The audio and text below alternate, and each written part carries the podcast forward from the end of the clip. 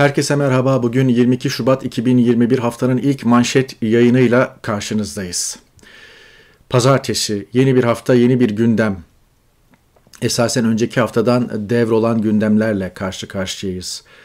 Birazdan bakacağımız gündemlerin kimi suni, kimi yapay, kimi oluşturulmuş, kimi de gerçekten bir idrar yarışı.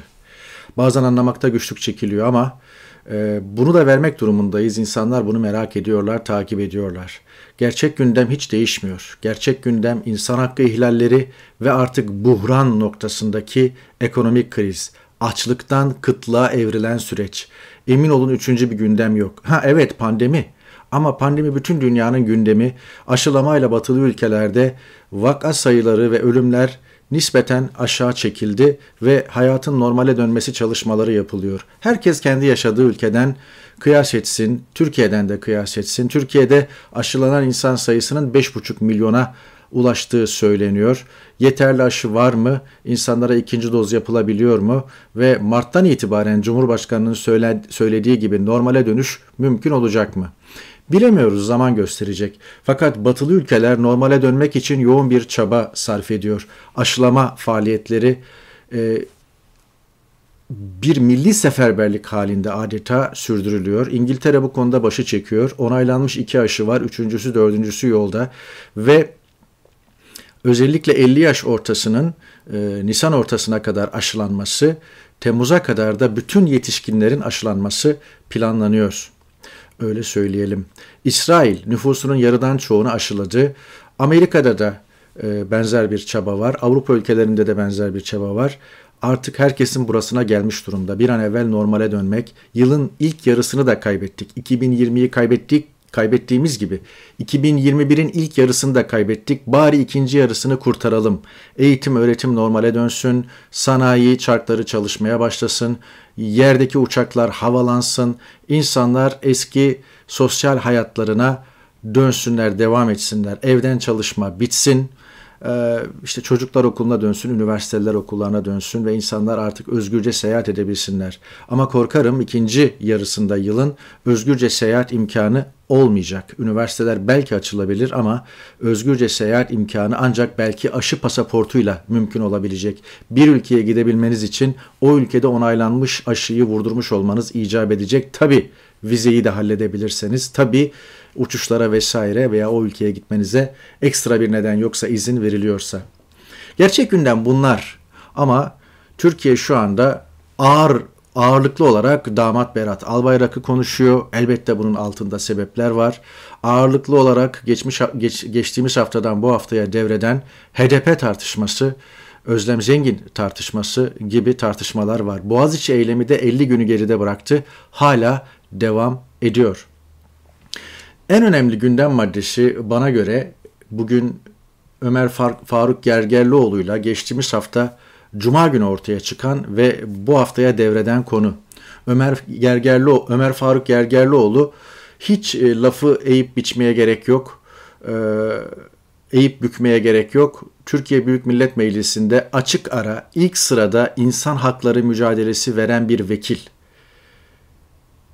Kimlik gözetmeksizin cezaevinde hükümlü, tutuklu, gözaltında, kayıp, KHK'lı, KHK'lı yakını, e, fişleme mağduru, beraat ettiği halde hakları verilmeyen vesaire vesaire. Akla gelebilecek tüm insan hakkı ihlalleri ki bu bahsettiğim konular devasa konular esasen de bir ülke için hepsine koşturan, hepsine yetişmeye çalışan, kendi kurduğu işte ÖFG TV'de yok yani insanlar artık e, mecra bulamıyorlar. Periskop'tan, YouTube'dan yayın yaparak veya sosyal ağlardan, Facebook'tan, Twitter'dan e, durumu anlatmaya çalışarak belki ses olmaya gayret ediyorlar. Açık ara ilk sıradaki milletvekili ve Ömer Faruk Gergerlioğlu hakkında gerçekten e, bulunmak için bulunmuş bir sebeple e, bir mahkumiyet kararı verildi, onaylandı. Türkiye Büyük Millet Meclisi'nde okunursa vekilliği düşecek. Böyle bir noktaya geldi. Ben yıllarca parlamento muhabirliği yaptım. Gazete, gazeteci, gazetecilik hayatımın ilk yıllarında.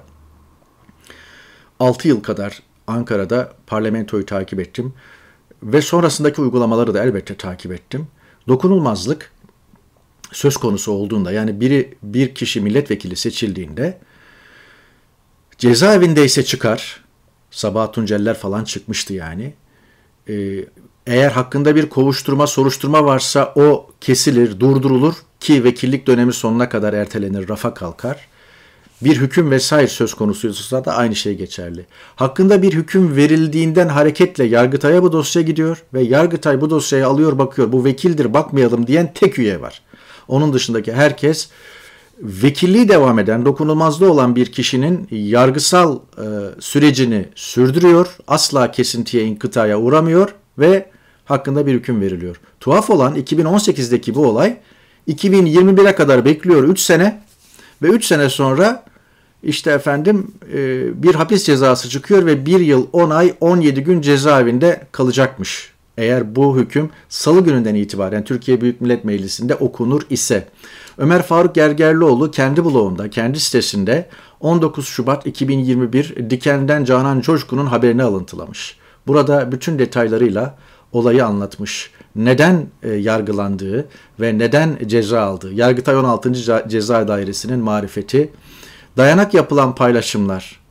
İşte efendim bu fotoğrafa bakıp niye bu savaşın bitip tükenmekten başka anlamı olmadığını anlarsınız. Analar aynı, bayraklar farklı demiş.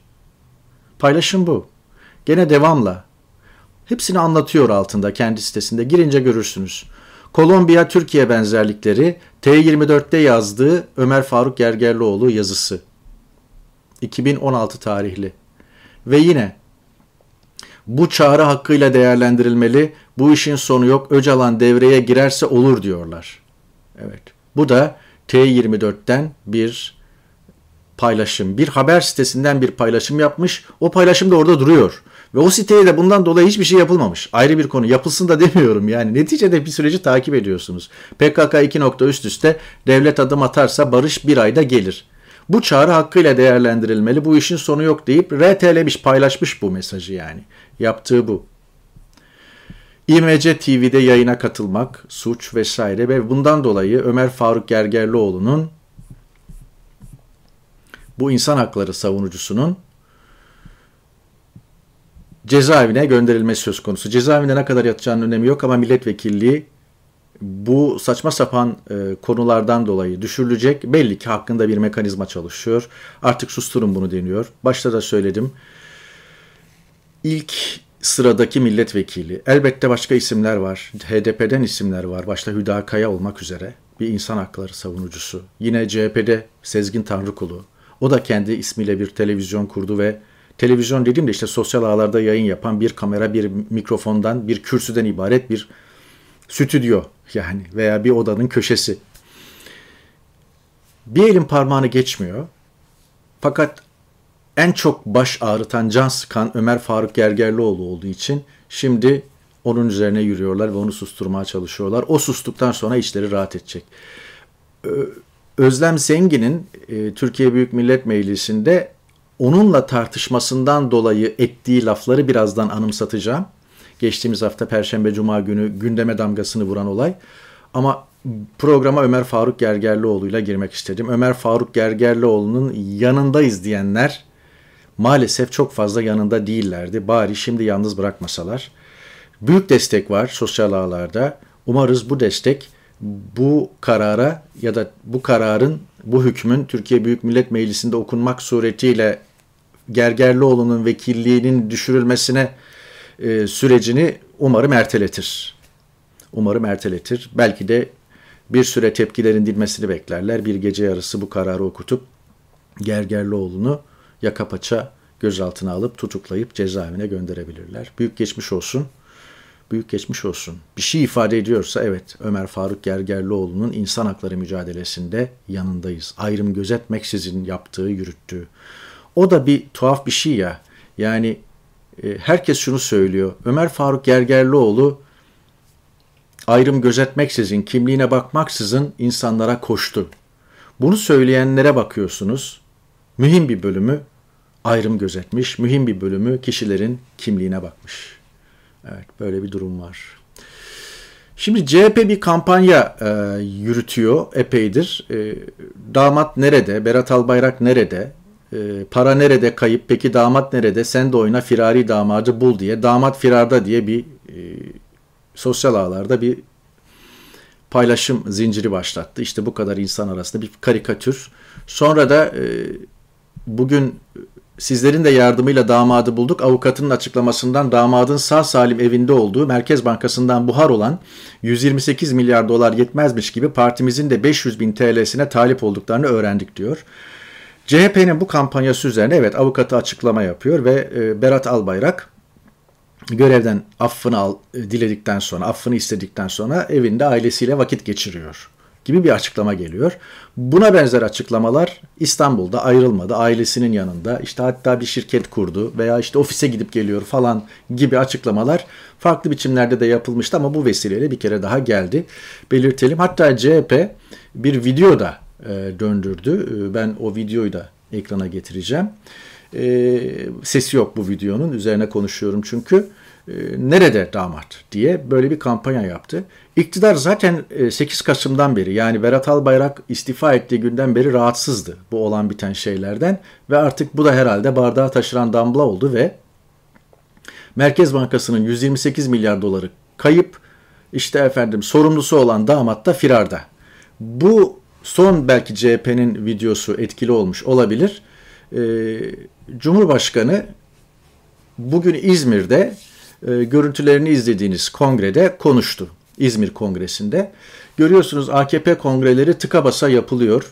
E, sosyal mesafeden falan bahsediliyor ama yani kapalı alanlarda insanlar işte yarım metre bir metre aralıkla duruyor. E, yüzlerinde maske var belki ama valiler, il yönetimleri, ilçe yönetimleri hiçbir toplantıya, hiçbir yürüyüşe, bir bildiri, üç kişinin bir araya gelip bir bildiri okumasına bile izin vermezken bakın böyle e, kalabalık büyük kongrelere izin veriyor. 5 kişi toplanıp bir şey yapamazken, 10 kişi bir şey yapamazken işte birilerine e, sosyal mesafe yok, birilerine e, var.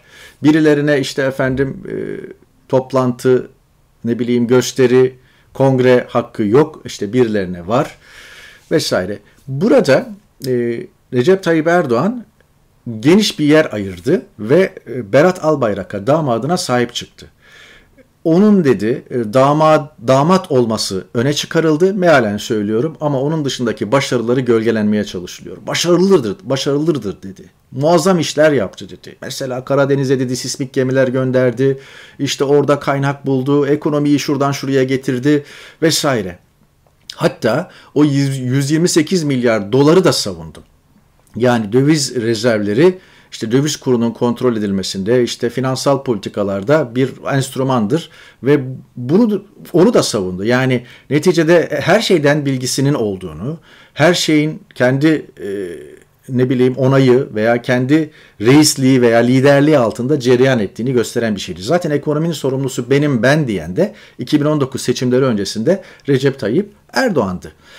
E, muazzam bir şekilde Erdoğan sahip çıktı. Hem 128 milyar doların e, harcanmasına hem damadın icraatlarını öyle bir övdü ki akla şu soru geliyor. Bu kadar iyiydi de neden görevden aldınız? Bir bu. İkincisi madem bu kadar iyiydi damat ve madem madem bu kadar e, muazzam icraatlar yaptı ve bütün dönemini siz şu anda öve öve bitiremiyorsunuz. Peki neden o dönemi o dönem o, o dönem alınan kararların rağmına işler yaptınız. Faiz artırmaya başladınız. İşte yeni gelen yönetim e, hat, e, üstü kapalı bir şekilde Berat Albayrak dönemini kötüleyerek bir günah keçisi çıkarmaya çalıştı falan.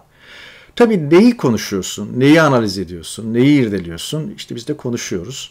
AKP için bunların hiçbir önemi yok. Dün dündür, bugün bugündür. Üç aydır damat yerden yere vuruldu bir günah keçisiydi. Yaptığı bütün uygulamalar değiştirildi, başka şeyler yapılmaya başlandı.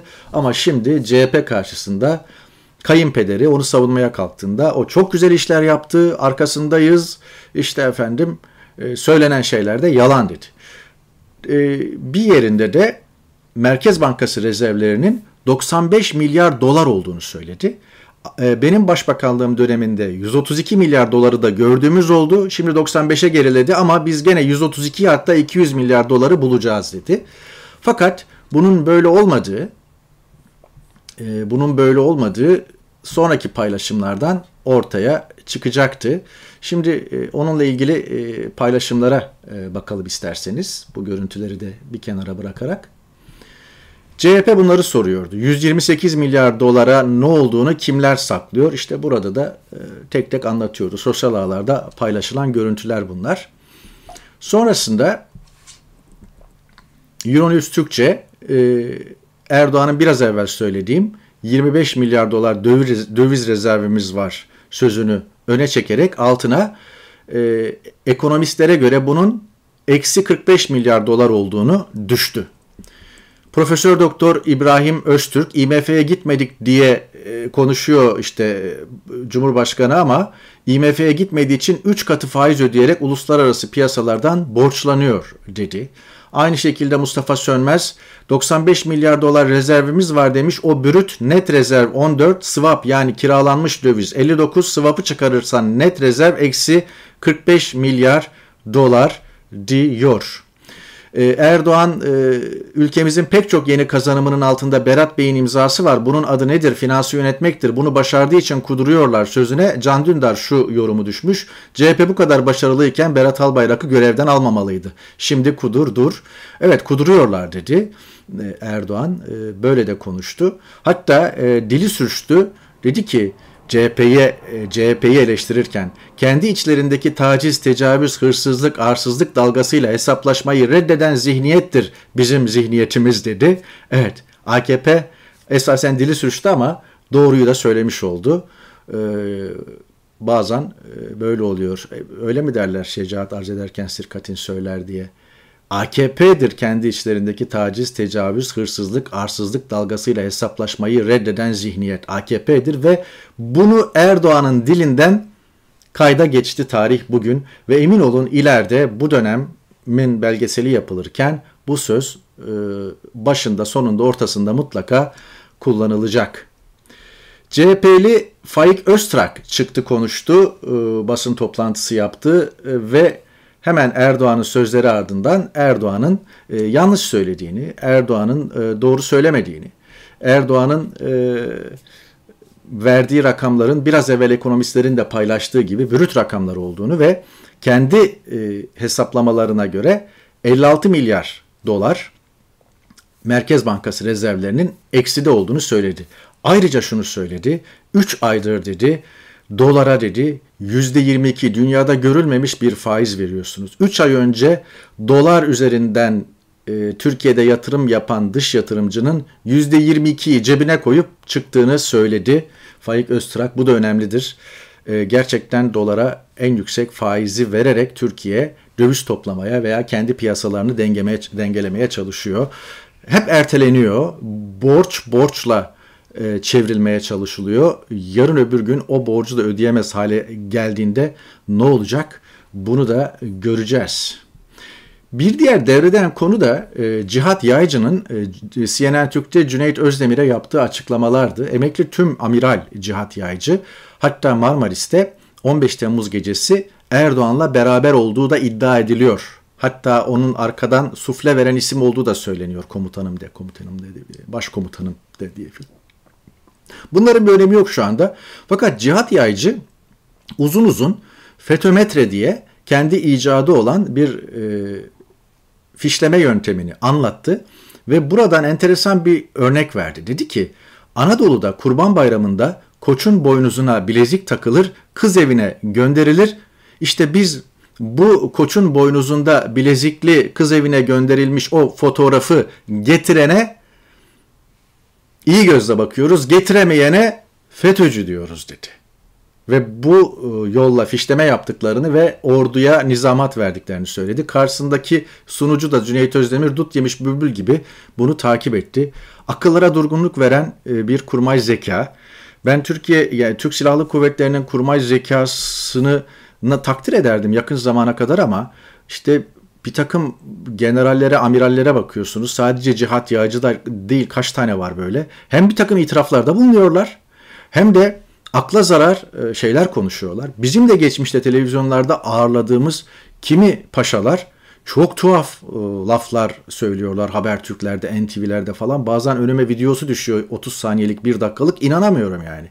İnsanların içinden bu süreçte ne çıktığı gerçekten anlam vermekte zorluk çekiyorsunuz ve bu kurmay zeka mı orduyu, genel kurmayı, Türk Silahlı Kuvvetleri'ni, harekatları falan yönetti diye düşünmeden edemiyorsunuz. Arzu Yıldız, Cüneyt Özdemir diyor ki FETÖ-METRE'nin mucidiyle röportaj yaptım. FETÖ'cülerin neden düşman olduğunu röportajı dinleyince anlayacaksınız. Fişlemeye sadece ona maruz kalan kitle değil, demokrasi hukuk bilen herkes karşıdır. Bu cemaate değil hiçbir gruba yapılamaz demiş. Halis Tunç ki eski bir ordu mensubu e, on şeyden bahsediyor. Kurban Bayramı'nda koçun boynuzuna bilezik takıp gönderme adetinden neyse e, Cüneyt Özdemir de sanki eşinin ailesine bilezikli koç göndermiş gibi hayranlıkla dinliyor diyor. Bir şey itiraf edeyim ben böyle bir şeyi hiç duymadım. 40 küsür sene Türkiye'de yaşadım. Orada okullara gittim. Orada arkadaşlarım oldu. Ankara'da uzun yıllar yaşadım. İstanbul'da uzun yıllar yaşadım. Çukurovalıyım. Ee, bir sürü Türkiye'nin dört bir yanından arkadaşım oldu, meslektaşım oldu. Ben hiç böyle bir adeti ne belgeselde seyrettim, ne bir filmde gördüm, ne bir işittim.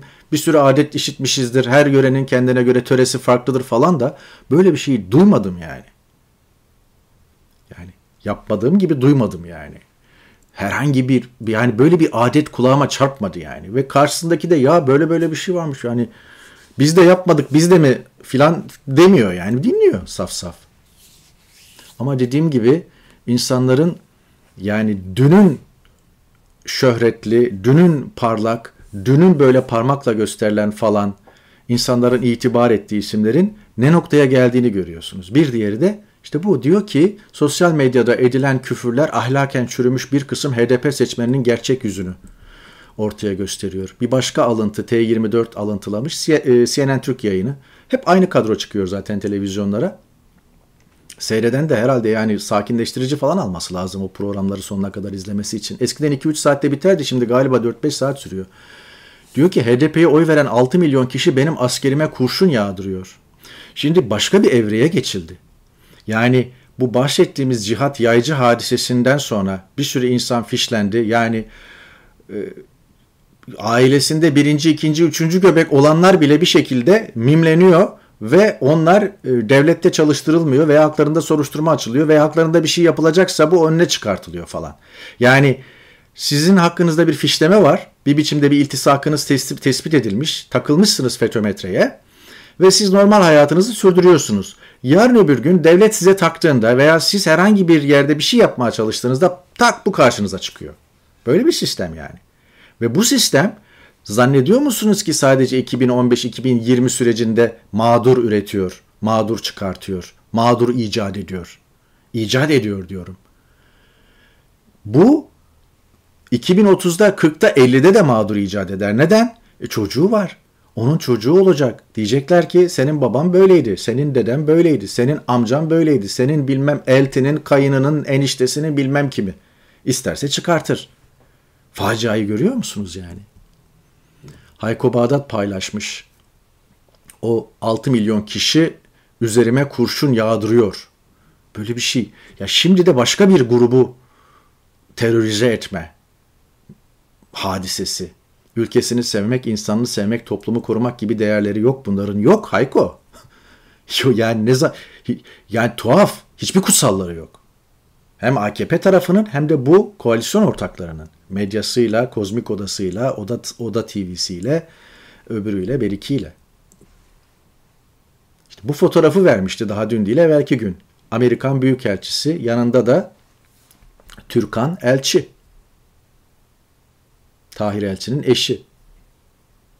Şimdi bu kişi birkaç sene sonra Amerika'ya saydırıyor. İşte Habertürk'te yazan bir başka vatandaş. Örgüt Nisan başı itibariyle rehine pazarlığına başlayacaktı. Gare operasyonu hafta, geçen haftada kaldı. Şimdi pek konuşulmuyor ama fakat bu yazı önemli. Tarihine gidin okuyun tamamını.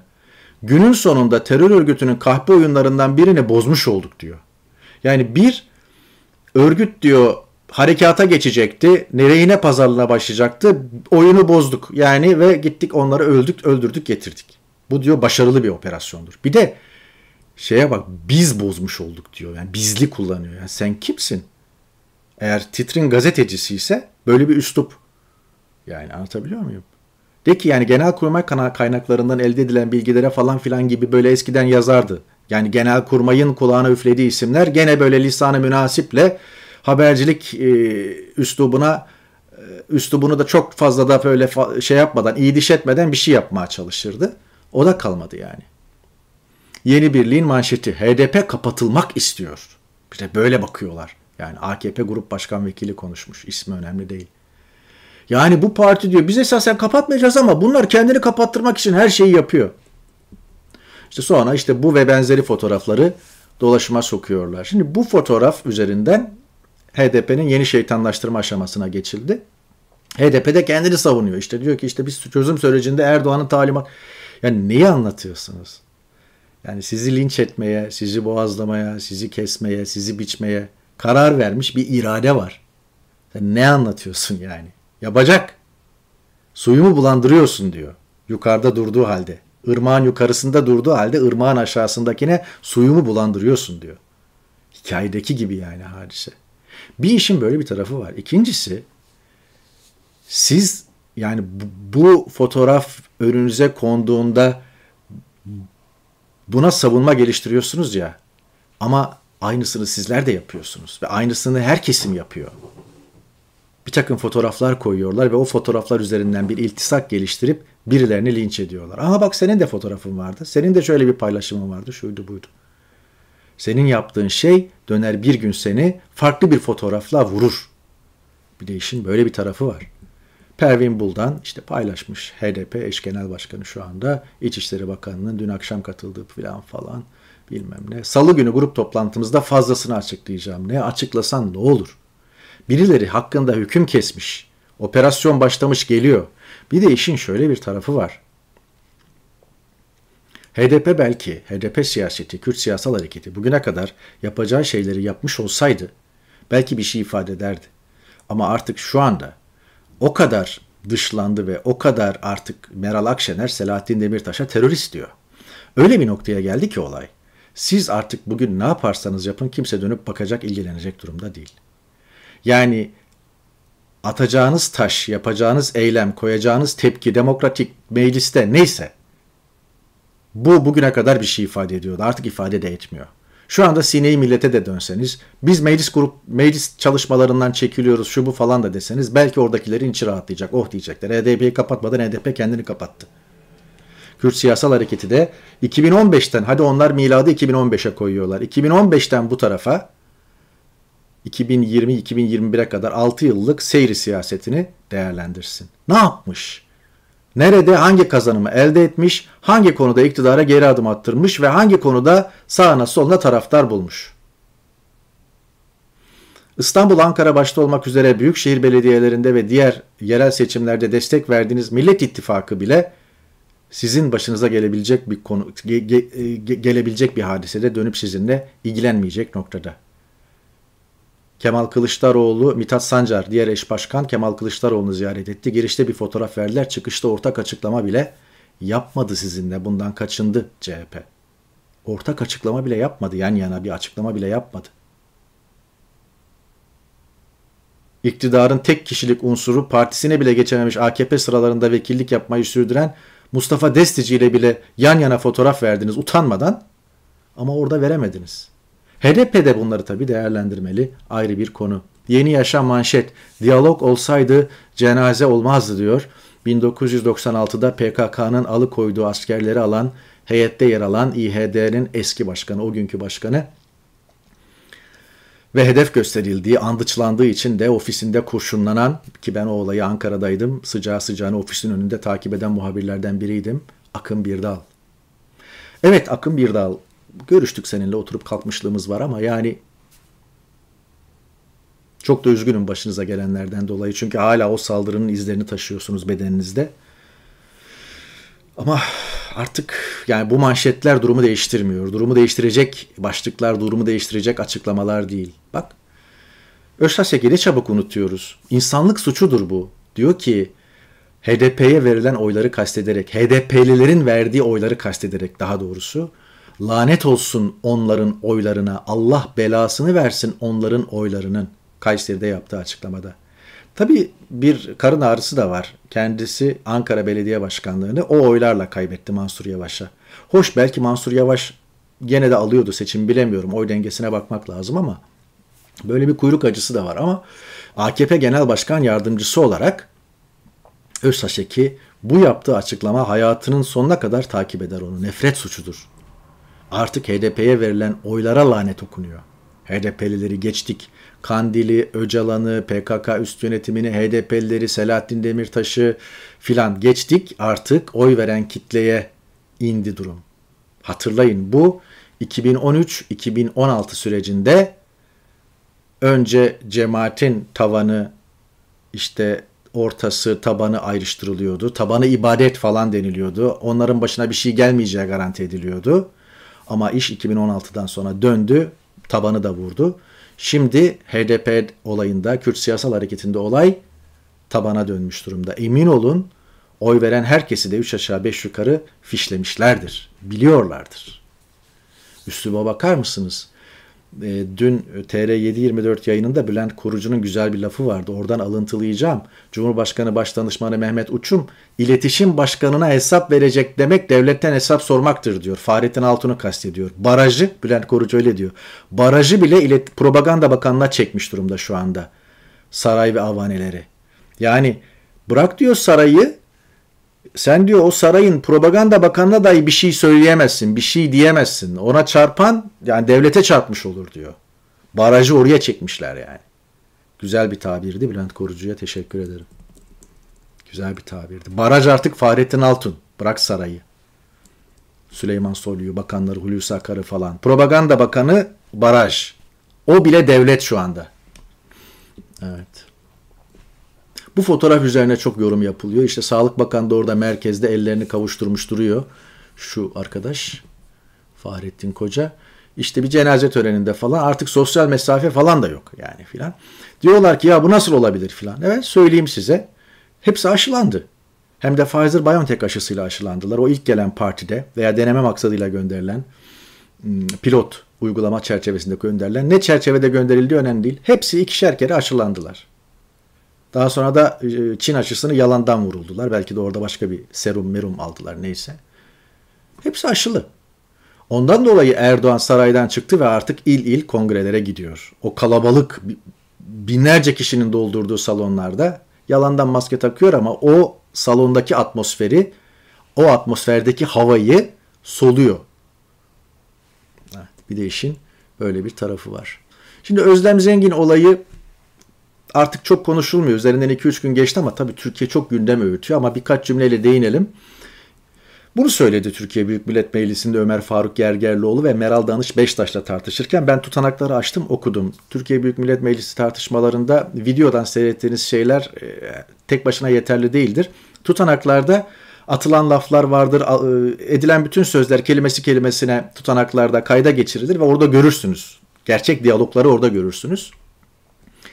Yazıklar olsun diyecek bir şey yok.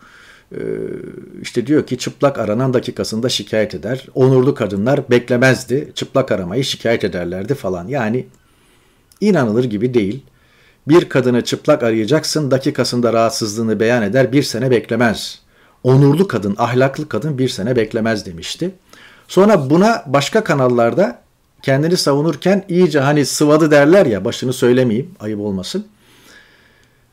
Bunu ekledi. Bu insanlar talimatla bebek sahibi oluyorlar. Bebekli kadınlar cezaevinde demek için. İş, işi yani çirkeflikte ve iğrençlikte iş başka bir noktaya gitti. Onun üzerine Ayşe Çelik ki bu Beyaz Şov'da hatırlarsınız meşhur Ayşe öğretmen çocuklar ölmesin dediği için başına gelmedik kalmayan aynı şey Kanal D'nin ve Beyaz'ın da aynı şekilde başına gelmedik kalmadı. Sahip çıkamadılar kadına. Çocuklar ölme yani o yayını hep beraber seyrettik bir şey yoktu o yayında. Çocuklar ölmesin dedi yani.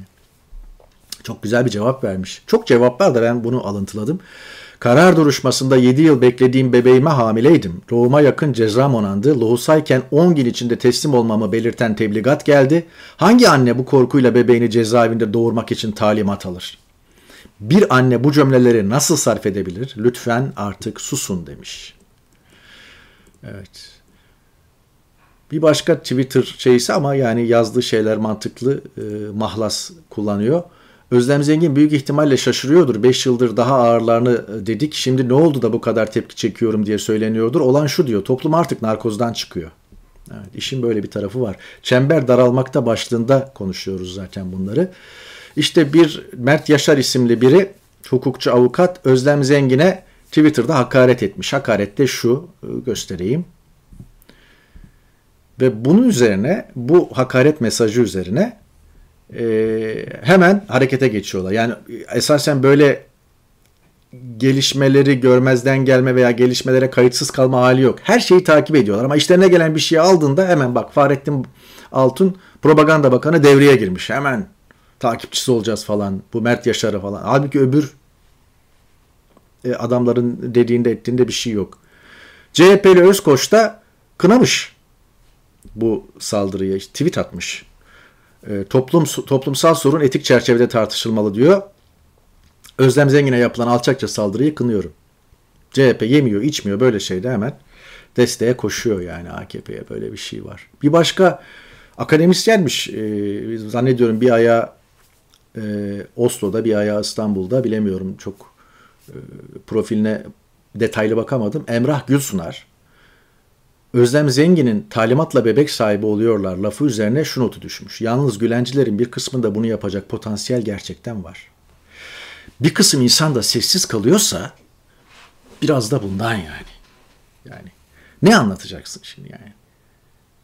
Şimdi sen açıp insanların kalbine mi bakacaksın potansiyel var yok öbürü beriki işte. Ne diyeyim yani. Selda Bağcan Şarkılarımdan dolayı üç defa hapse girdim. Aynı şarkılar şimdi dünyada meşhur oldu ve ben her girişte çıplak arandım. Anlamak istemeyenlere duyurulur. Yetmez ama evet diyenler hayır demiş olsaydı Erdoğan 2010 referandumunu %58 ile değil belki %56 ile yine alırdı. Oysa CHP 2017 referandumunda İstanbul seçimlerinde olduğu gibi sandığa sahip çıkıp mürşüz pusula ve zarflara geçit e, vermeseydi Erdoğan o ref, refer, referandumu alamıyordu demiş. Evet. Ömer Murat. Bekir Salim bir böyle atışma üstadı bir dörtlük yazmış. Reisi veriyor ya üç çocuk talimatı. Zahir anne karnını bu kiralık sanıyor. Belli ki bir mebusluk zavallının fiyatı. Bizi de kendi gibi beş paralık sanıyor demiş. Evet. Bir diğer konu Süleyman Soylu Boğaziçi Üniversitesi'ni ve Üstün Ergüder'i eski rektörü şeytanlaştırmaya devam ediyor. Aramış, girme bu işlere demiş. Hatta e, aileleri de aramış. E, bazı ideolojik aileler bu işe karışmayın demiş falan. Onu da böyle söylüyor. O arada da işte biz de ideolojikiz falan diye sosyal ağlarda kampanyalar oldu. 80 yaşındaki e, Üstün Ergüder'e bile e, tacizde bulunuyorlar. Yani olacak şey değil. İşte en çok parayı Boğaziçi alıyor diye Yeni Şafak haber yapmış. Direnişin 50. günü bu arada hatırlatalım devam ediyor hala. Mesele en çok parayı Boğaziçi'nin alıp almaması değil. Mesele o paranın öğrencilere harcanıp harcanmadığı. Orada bir usulsüzlük varsa üzerine git. Evet. O arada evrensel manşetten götürüyor. Ee, biz de buradan yer vermiş olalım. Kadir Aktar'a ne oldu? Ne oldu? Tahliye edildi. iki gün sonra başka dosyadan tutuklandı. İntihar haberi geldi. 17 yaşında Kadir Aktar. Bağcılar'da bir polis memurunun hayatını kaybettiği olaydan tutuklandı. 16 Şubat'ta tahliyesine karar verildi. Tahliye edildiği günün gecesinde başka dosyadan gözaltına alınıp tutuklandı. 19 Şubat'ta cezaevinde intihar ettiği iddia edildi. Otopside Kadir Aktar'ın bacak ve kollarında iç kanama olduğu tespit edildi diyor. Avukatı ölümünde sayısız şüphe var demiş. Son vaka. Her gün bir vaka. Gerçek gündem başta söyledik tekrar oraya dönelim. 40 dakikayı doldurduk. Haftanın ilk programı biraz da gelişmeler kalabalık. Ondan mazur görün. Süreyi yarım saatlik süreyi biraz açtık. Cumhuriyet'ten bir haber. Antidepresan ilaç kullanımı %9.6 arttı. İntiharlar korkutuyor. Büyük buhran var demiş. Evet buhran şu anda yaşanan. Açlıktan kıtlığa evrildi. Bakın bardağa 2 liraya ayçiçek yağı satılıyor bakkallarda. Bardakla yani böyle işte litrelik ayçiçeğini koyuyor bakkal. Böyle pet bardağa doldurup bardağı 2 liradan onu da herhalde bir muşambaya veya bir naylon torbaya koyup müşterisine veriyor. Aynı şekilde böyle küçük küçük torbalara paketlenmiş şekerler 1 liralık 2 liralık şekerler satılıyor. İnsanlar artık kiloyla falan bunları alamaz haldeler. Evet. Az önce sokağa çıktım Alper İzbul paylaşmış. Biraz yürüdüm biraz alışveriş yaptım. Sokakta iki şey net biçimde görülüyordu. Pahalılık fakirlik gerisi hikaye demiş. Evet. Kesinlikle öyle.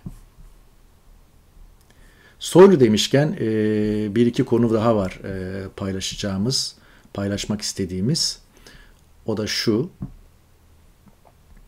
Ahmet Şık e, Twitter'da e, paylaşmış. Onu getireceğim ekrana.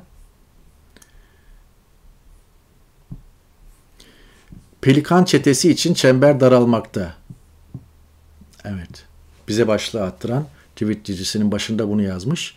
AK Parti İstanbul İl Başkanı Bayram Şen Ocak 7. olağan il kongresinde aday olmayacağını duyurdu diyor. Devamında Pelikan çetesi hasımları Abdülhamit Gül'ün yargıdaki kadro değişikliklerine karşı güçlerini test etme arayışında görevinden affedilen damadın kardeşinin gazetesindeki şu yazıda aynı kapsamda demiş. Devamla e, AKP İstanbul ildeki e, bir takım e, çekişmeleri e, not düşmüş ve Hulusi Akar Süleyman Soylu boyutunda enteresan bir not paylaşmış. Onu paylaşıp manşete noktayı koyacağım bugün. 16 kişinin canına mal olan ve Erdoğan tarafından da başarısızlık olarak nitelendirilen nitelenen Gare operasyonunun faturası birilerine kesilecekse eğer bu kişinin ilişkilerin hayli gergin olduğu bir dönemde ABD ile arası iyi olan Hulusi Akar olmayacağını söylüyor. Eğer Süleyman Soylu bu nedenle görevinden affedilirse Gare operasyonu neden değil bahane olacaktır.